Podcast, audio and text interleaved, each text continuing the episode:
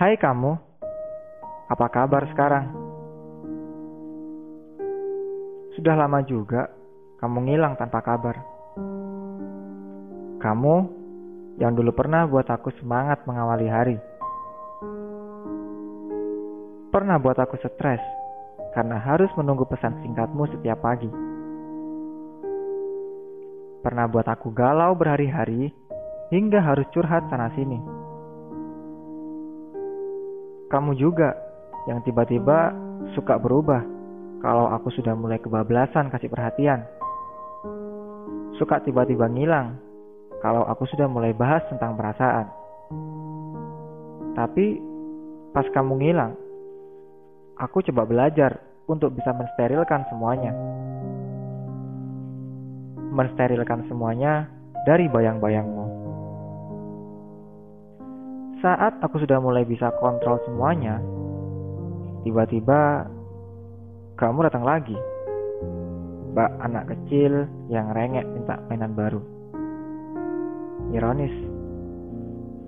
Aku selalu kemakan permainanmu. Aku selalu ngikutin pola permainanmu. Dan selalu kalah. Gak pernah ada perlawanan yang berarti. Intinya aku nggak akan pernah menang, apalagi bisa seri. Tapi sejauh ini, aku nggak pernah menyesal jika dulu pernah jadi budak permainanmu. Malah aku bersyukur karena banyak dapat ilmu dan pengalaman baru dari kamu. Tapi terkhusus untuk kamu, kamu akan tetap menjadi misteri buat aku.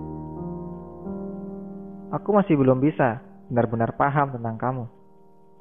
Kamu yang terlalu cerdik mata hati dan perasaan ke semua. Terlalu mudah membuat orang lain ikut terbawa. Kamu yang terlalu pintar untuk membuat orang lain terpikat. Tapi kamu juga yang terlalu rumit untuk dipahami seperti halnya buku filsafat.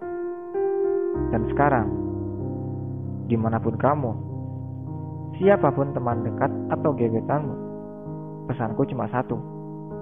Jangan lupa kasih nafas. Jangan lupa kasih nafas buat mereka, orang-orang yang saat ini lagi kamu tarik ulur perasaannya. Kasihan, Cok.